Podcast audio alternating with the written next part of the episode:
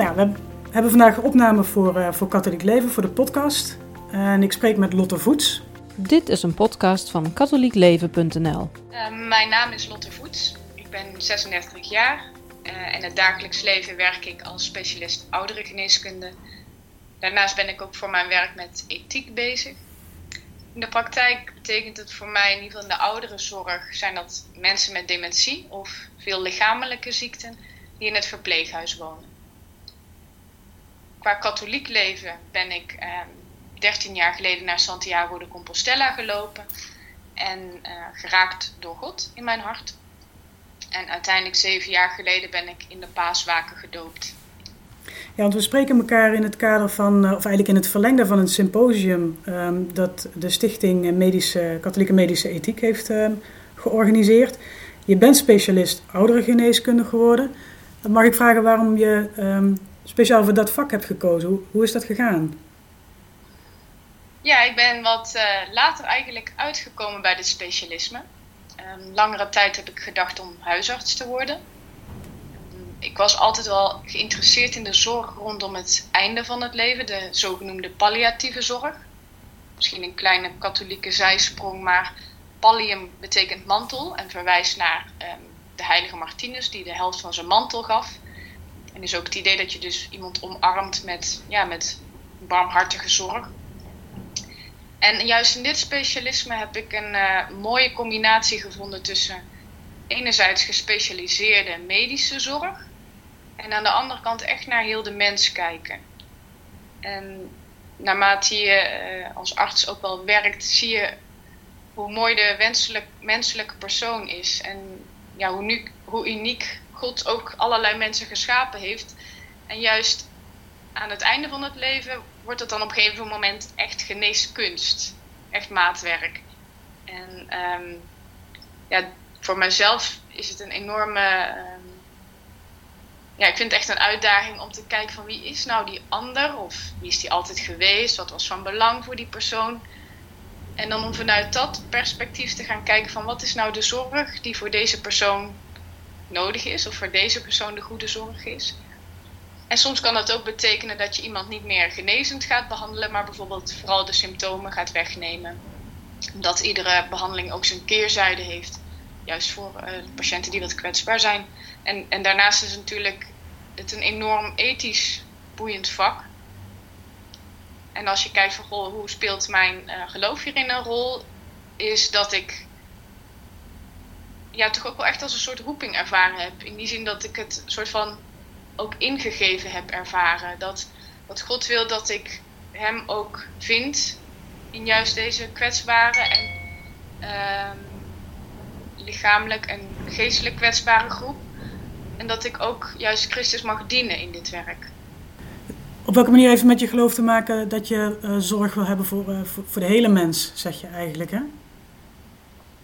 Ja, omdat in die andere persoon, dat ja, het is eigenlijk al een soort ook mysterie als je er wat meer over na gaat denken.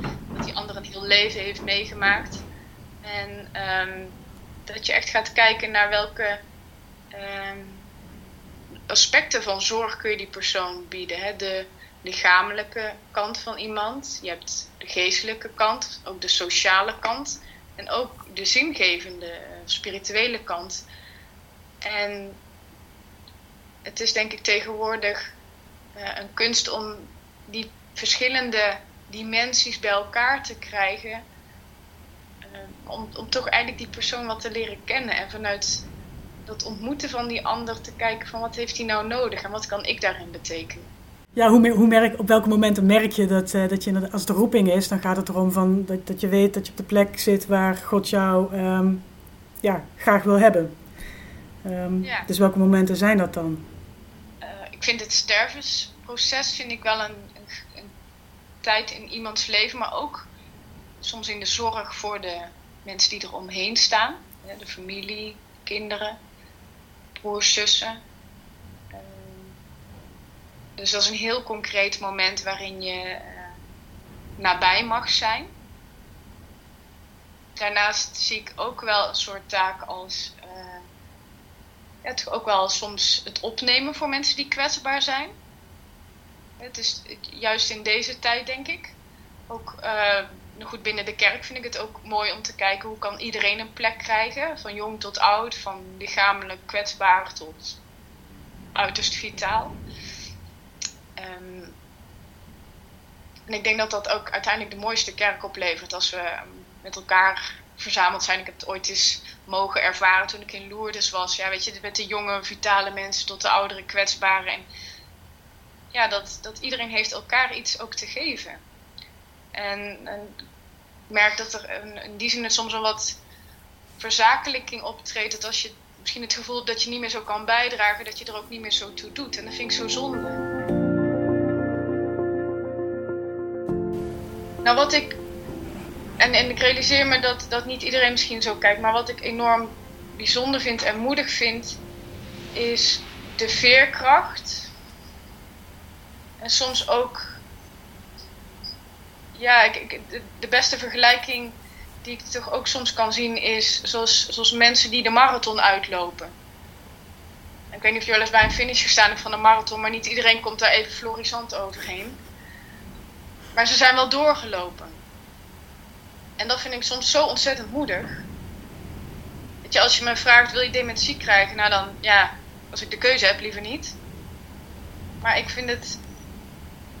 Ergens laten deze mensen mij zo de puurheid van het moment zien. En ik, ik ga ook niet de ziekte van dementie mooier maken. Het is soms echt ook lijden. Het is ook soms echt enorme afhankelijkheid uh, ontluisteringen zoeken. Maar toch merk ik dat wij als samenleving hebben iets te leren. Um, misschien juist ook iets van de, van de overgave die. die uh, dat, dat we niet altijd alles in onze handen hebben. En, ik realiseer me dat sommige mensen misschien juist daarom uh, heel blij zijn met de wetgeving, bijvoorbeeld van de euthanasie in Nederland. Maar misschien roept dat bij mij juist de extra ja, ontzag ook wel op voor de mensen die toch zeggen van nou ja, ik, ik leef het leven bij de dag en morgen is weer een nieuwe dag en dan komt weer de volgende. En, en ik heb ontzettend veel ontzag voor alle mensen die mantelzorgen zijn en die op een heel concrete manier echt nabij zijn bij, bij deze uh, mensen die lijden aan, aan, de ziekte als dementie. En ik weet, ik zit even te denken of ik je vraag nou beantwoord heb. Wat ze ons te geven hebben. Ik denk dat, dat ze misschien soms juist in. Laat ik het dichtst bij mezelf blijven. Dat ik geraakt ben door hun kwetsbaarheid die mij doet beseffen wat een geschenk het ook is om gezond te zijn. Ja, dat we op die manier ook echt. Ja, we mogen, echt, we mogen daar echt zo ontzettend dankbaar zijn. Als je op een gegeven moment ziet op een revalidatieafdeling. Dat sommige mensen weer moeten oefenen om te gaan zitten, om te gaan staan, om een trap op te lopen, dan, dan wordt, wordt niets is meer vanzelfsprekend. En dat, dat geeft ons enorm veel te leren. En daarom vind ik het soms ook zo jammer dat, het, dat we misschien ergens ook dit soms wat wegstoppen in onze samenleving. Behalve dan als iets wat je nooit wil hebben.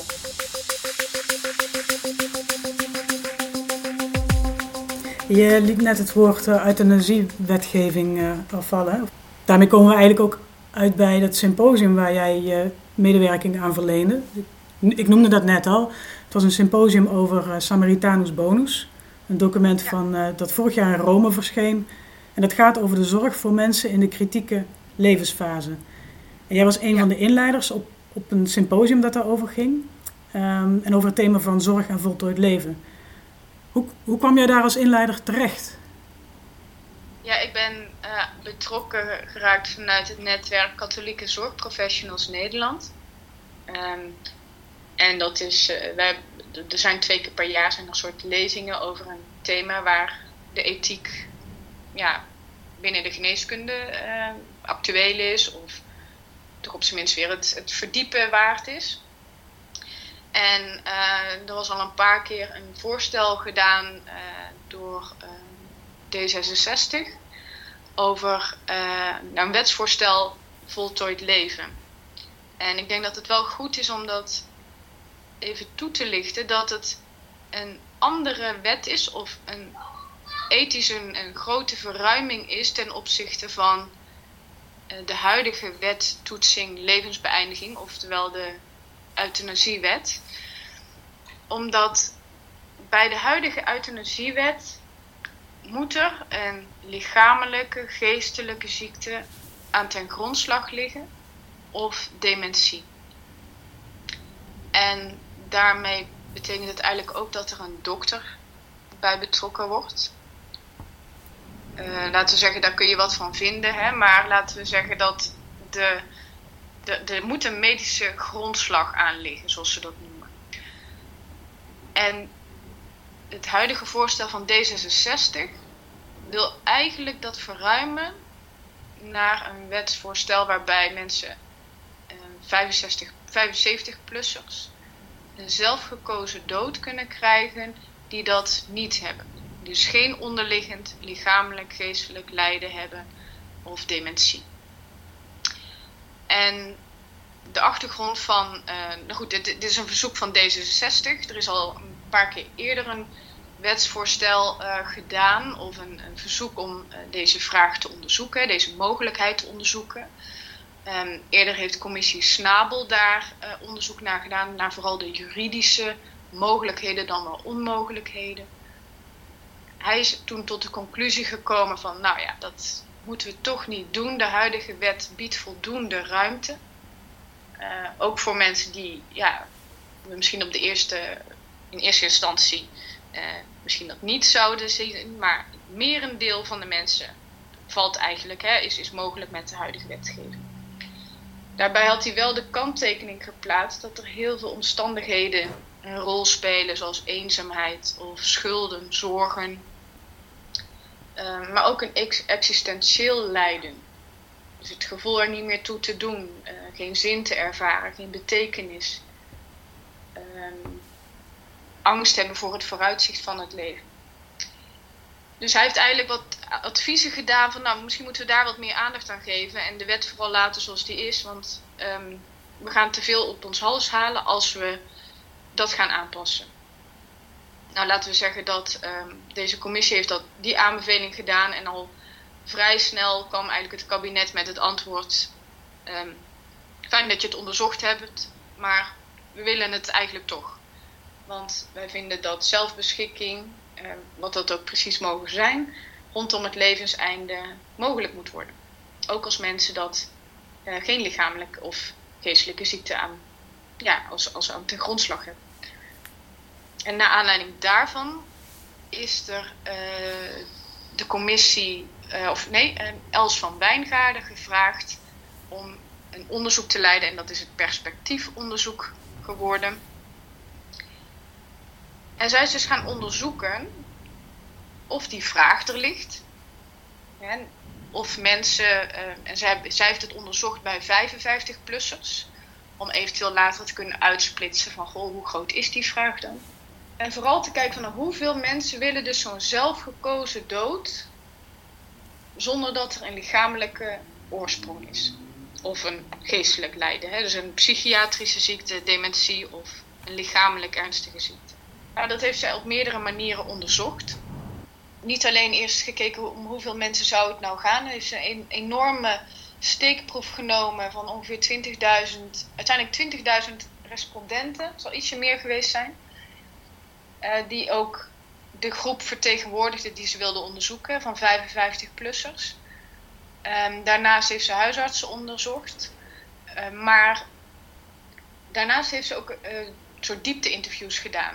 En bij een enkeling heeft ze die diepte-interviews ook over drie momenten in de afgelopen vijf jaar gedaan.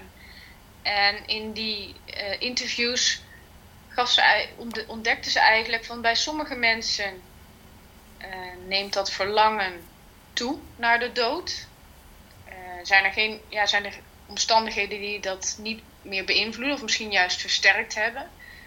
Bij sommige mensen blijft het gelijk, dat verlangen naar de dood maar is het dus niet sterker geworden of afgenomen. En bij een deel van de mensen zie je dat dat verlangen afneemt. En hetgene wat ze daartoe wel soms zag, is dat mensen weer op een bepaalde manier een nieuwe invulling van hun leven gekregen hadden. Dus iemand die misschien een relatie verloren had en dacht van ja, nou, nou houdt het voor mij ook op. Het hoeft, nou hoeft het voor mij niet meer. Sommige mensen die dan toch weer een nieuwe relatie krijgen. Of, of soms mensen ook juist die op een andere manier een verlies geleden hadden. Hè. Dus het klinkt altijd heel leuk om met pensioen te gaan. Maar voor sommige mensen is het echt een drama. Het idee dat je eerst uh, op een bepaalde manier zinvol bezig hebt kunnen zijn. Of je talent hebt kunnen benutten. En te merken dat niemand daar nog een beroep op doet. Dat is voor sommige mensen een enorm, enorm verlies. Uh, of ik noem maar iets, hè, als je geen auto meer kan rijden en dat, dat jouw vrijheid was. Als je dat niet meer kan. Je merkt dat mensen dat. Um, dat zijn soms de verlieservaringen waar we het niet altijd direct aan denken. Maar juist bijvoorbeeld het krijgen van een bepaalde vrijwilligerstaak. Of um, ja, iets kunnen betekenen voor een ander. Je ziet dat mensen. Um, als ze zo'n ervaring hadden, dat, ze nog, dat die wens wel eens een stuk minder werd. En zeker ook, er was een, een ergens een ontroerend uh, interview over inderdaad iemand die nog ja, op latere leeftijd echt een, een soort tweede liefde gevonden had. En um, ja, weer echt helemaal de zin in gekregen had. Dus, um, en dat maakt denk ik het ook wel een heel complex uh, fenomeen om dat goed te onderzoeken. Hè? Want goed, de onderzoekster noemt het al een ongelukkige term die veel te rooskleurig is. Voltooid leven. En dat maakt het natuurlijk wel heel lastig als je met een vorm van euthanasie iemands leven beëindigt, wat niet meer terug te draaien is. Maar daarom vind ik ja, ook soms wel uh, zorgelijk als we nadenken over uh, het mogelijk maken van uh, zo'n zelfgekozen dood. Want ja, als je het misschien op moment A vraagt, zal iemand zeggen van nou, dit is dan het moment. Uh, maar misschien als je het op moment B gevraagd had, misschien was het dan het moment niet. En je merkt ook eigenlijk dat het, het klinkt mooi, die zelfbeschikking, maar je ziet juist dat vooral de mensen die daar dus erg over nadenken, dat het dan eigenlijk ook heel veel onrust geeft. Van, ja, maar is, is dit dan het moment of is dit nog goed genoeg? Nou, misschien als het dan en dan is. En dan is dit moment dan erg genoeg? Nee, nu is het nog niet zo erg genoeg. En um, ik vind het, laat ik, ik, ik snap soms ook dat het, het leven een enorm verlies met zich mee kan brengen. En een deel van de mensen, dus 28% van de mensen, heeft al een chronische verlangen naar de dood. Um, ik denk dat het gesprek over het verlangen naar de dood altijd van belang is. Ook als, als dokter, maar ook als iemand het ooit tegen je zegt. Neem die vraag altijd serieus. kijk of je kan luisteren. Goh, maar wat bedoel je dan? En wat, waar worstel je dan mee? Um, en je hoeft het niet meteen te oordelen. Ik denk dat we als katholieken soms ook te bang zijn voor die vraag. Dat we daar ook echt juist nabij mogen zijn van wat, wat maakt dat je het leven soms zo zwaar vindt. Ik bedoel, als we kijken naar Christus, die is volgens de, de kruiswegstaties drie keer gevallen. Ja, dus soms, soms voelt het leven als zwaarder dan we kunnen dragen. En toch zeg maar, zien we ook dat Jezus op een bepaalde manier weer opstaat. En wat kunnen we soms misschien dan juist bieden? Um, en misschien kunnen we soms alleen maar een stukje meedragen in iemands pijn en iemands verlies. Maar goed, in de voorbeelden zoals ik ze net noemde, zie je eigenlijk ook wel dat sommige mensen weer toch iets in hun leven vinden waardoor ze het gevoel hebben van hé, hey, nou, nou wordt het wel weer leuk, zoals we tegenwoordig noemen. Ja, wie zijn wij als kerk? Hè? Betrekken wij iedereen, jong, oud, um, dat iedereen ertoe doet. Dat iedereen op een bepaalde manier een plek krijgt. En dat wil niet zeggen dat het altijd in de kerk kan zijn. Het kan ook zijn dat je op een bepaalde manier gewoon eens af en toe op bezoek gaat bij de buren of bij um, en, en daarmee kan ik, realiseer ik me ook wel dat een soort diepe eenzaamheid niet altijd weg te nemen is. Maar het feit dat dit voor sommige mensen een reden is om daarover na te denken, vind ik wel een teken voor ons om, na te denken: wat kunnen we er wel in betekenen? Kijk, het is een. Um, je zegt het is een heel zorgvuldig um, onderzoek geweest, een heel zorgvuldig uh, rapport. Um, ja. Als je op internet rondkijkt, dan dan zie je ook dat er, eh, dat er best wel uh, waardering uh, voor wordt uitgesproken. Onder meer van, uh, van oudere bonden. Ja. Um, je ziet ook wel dat er um, kritiek is op een rapport. Dat is natuurlijk niet, niet verrassend. Maar een van de punten die mij, ehm, die mij opvielen was dat. ehm, een punt van kritiek was. dat mensen zijn gevraagd naar of ze een doodswens hebben. in plaats van dat ze zijn gevraagd naar het recht op zelfbeschikking. Dat zijn natuurlijk twee verschillende vragen. Mhm. Ehm, hoe zie jij dat ehm, als katholiek eh, zorgprofessional? eh? Ja, ik denk dat het, eh, als je mensen vraagt, eh, vind je zelfbeschikking belangrijk, dan ben ik benieuwd of daar mensen zijn die dat niet vinden. Dus ik denk dat de- dit onderzoek heeft op een hele zorgvuldige manier geprobeerd deze concrete vraag om het leven ook te beëindigen en naar boven te krijgen. En het is natuurlijk een onderzoek wat ook een politieke lading heeft. Hè? Want stel nou dat ehm, een groot deel dit wil, dan, dan kan dat bijvoorbeeld voor een partij als D66 natuurlijk eh, ook, ook extra gewicht in de schaal leggen. Maar goed, we zien dat zoveel mensen dat willen. Dus, en ja, als je vraagt van, heb je, eh, wil je graag zelfbeschikking of respect voor zelfbeschikking? Ja, daar is natuurlijk niemand tegen. En ik denk dat het. ehm, en daarnaast is het zo van, wat bedoel je dan met zelfbeschikking? Ik heb ooit een patiënt gehad die ontzettend, ja, op een gegeven moment lichamelijk zo ontzettend kwetsbaar was geworden. En eh, waarvan sommige mensen zeggen van, ja, nou, ik, ik had dat nooit afgewacht. Ik had al euthanasie gevraagd twee jaar geleden. Maar deze meneer, die ervoer zijn zelfbeschikking in de keuze die ik hem aanreikte van, ik kan dit medicijn voor je voorschrijven om je klachten te verlichten of deze. Eh, we kunnen ook kijken of ze allebei kunnen geven. Wat, wat past het meest bij jou? En uiteindelijk kon deze meneer dat met, door met zijn ogen te knipperen aangeven wat hij wilde. En in overleg ook met zijn, zijn vrouw gaf hij aan op deze manier te kennen. Dit was wat hij wilde. Dus zelfbeschikking is denk ik een te ruim begrip om, ja, om, om deze hele concrete vraag goed te onderzoeken. Het is dus ook eigenlijk wel interessant dat, dat je uitkomt bij de kracht van woorden. Hè? Dus voltooid leven, wat roept dat op? Of zelfbeschikking, wat roept dat op? Ja. En het, het belangrijk is om er heel zorgvuldig eh, over te spreken. En ook res- met respect voor iedereen natuurlijk. Ja, Ehm, als het gaat om, ehm, om de maatschappelijke discussie. ehm, maar misschien ook hoe dat uitwerkt in de concrete levens van mensen. Hè? Want maatschappelijke discussie is nog erg abstract. En jij ziet in je, in je praktijk als, als arts... zie je natuurlijk hoe, ehm, hoe dat doorwerkt eh, bij mensen. Ehm, waar maak jij het meest zorgen over? En misschien ook waar put jij de meeste hoop uit? dat is een mooie vraag. Als je gaat kijken naar. De, wat ik heel mooi vind is de katholieke kerk drukt in de eerste plaats uit dat iedere mens een intrinsieke waardigheid heeft. En daarnaast wordt waardigheid soms ook erkend door anderen. Hè? Dus stel dat jij dadelijk zegt: Nou, Lotte, ik vond het heel fijn om met jou te praten.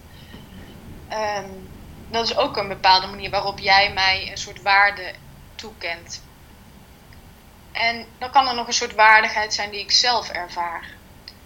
En ik denk dat hoe meer een samenleving, al dan niet door wetgeving, uitdrukt dat euthanasie mag, dan knabbel je aan die intrinsieke waardigheid.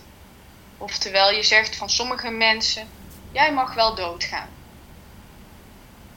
En dat maakt dat een samenleving en ook het ervaren van waardigheid meer gaat afhangen met van hoe iemand anders mij waardeert of hoe ik mijzelf waardeer.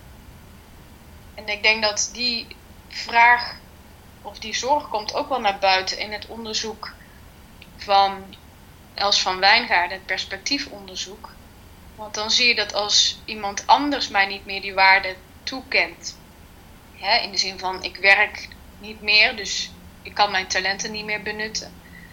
Of het een, een gemis aan een soort zelfvertrouwen, omdat je misschien lichamelijk achteruit gaat. Of het gevoel dat je tot last bent. Dan maakt het ons veel meer afhankelijk van de omstandigheden of wij onze waardigheid toekennen. En ik maak me in die zin daar zorgen over als dus een samenleving steeds meer uitspreekt van nou in die situatie mag je wel dood en in die situatie mag je wel dood. Ik ben bang dat als we dat te veel doen, dat we dan ja, dat we eigenlijk onze samenleving eigenlijk ondermijnen. Als in hè, een plek waar we samen leven.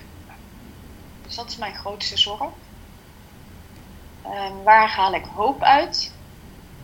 Uh, wat ik toch wel heel bijzonder vind, is om toch ook uh, al, bij al dan niet gelovige collega's toch een soort worsteling ook te zien met deze materie. Dat er toch ook iets is in ons als mensen dat er in ieder geval als dokters dus moeite mee heeft om het leven van een ander te beëindigen. En, en daar zitten wel natuurlijk verschillen in. Maar er zit toch altijd wel een aarzeling in. En deze vraag doet ook altijd een appel op een dokter. Dus ik denk dat dat, uh, het, gegeven dat dat niet vanzelfsprekend is, dat is denk ik, het zet ons toch al aan het denken. En ik denk dat, uh, persoonlijk heb ik zelf ook nog een beetje ieder geval het verlangen om meer te praten ook over wat is dan een natuurlijk levenseinde, wat kun je daarvan verwachten.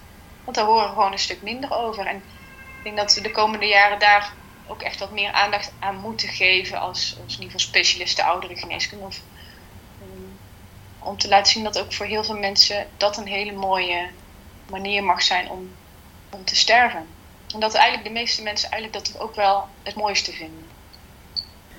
En dan vanuit de, ja, vanuit de intrinsieke waardigheid um, um, zou ik daar dan nog aan toe willen voegen. Um, dankjewel Lotte voor dit, uh, voor dit mooie gesprek. dankjewel. Dit was een podcast van katholiekleven.nl. Bedankt voor het luisteren.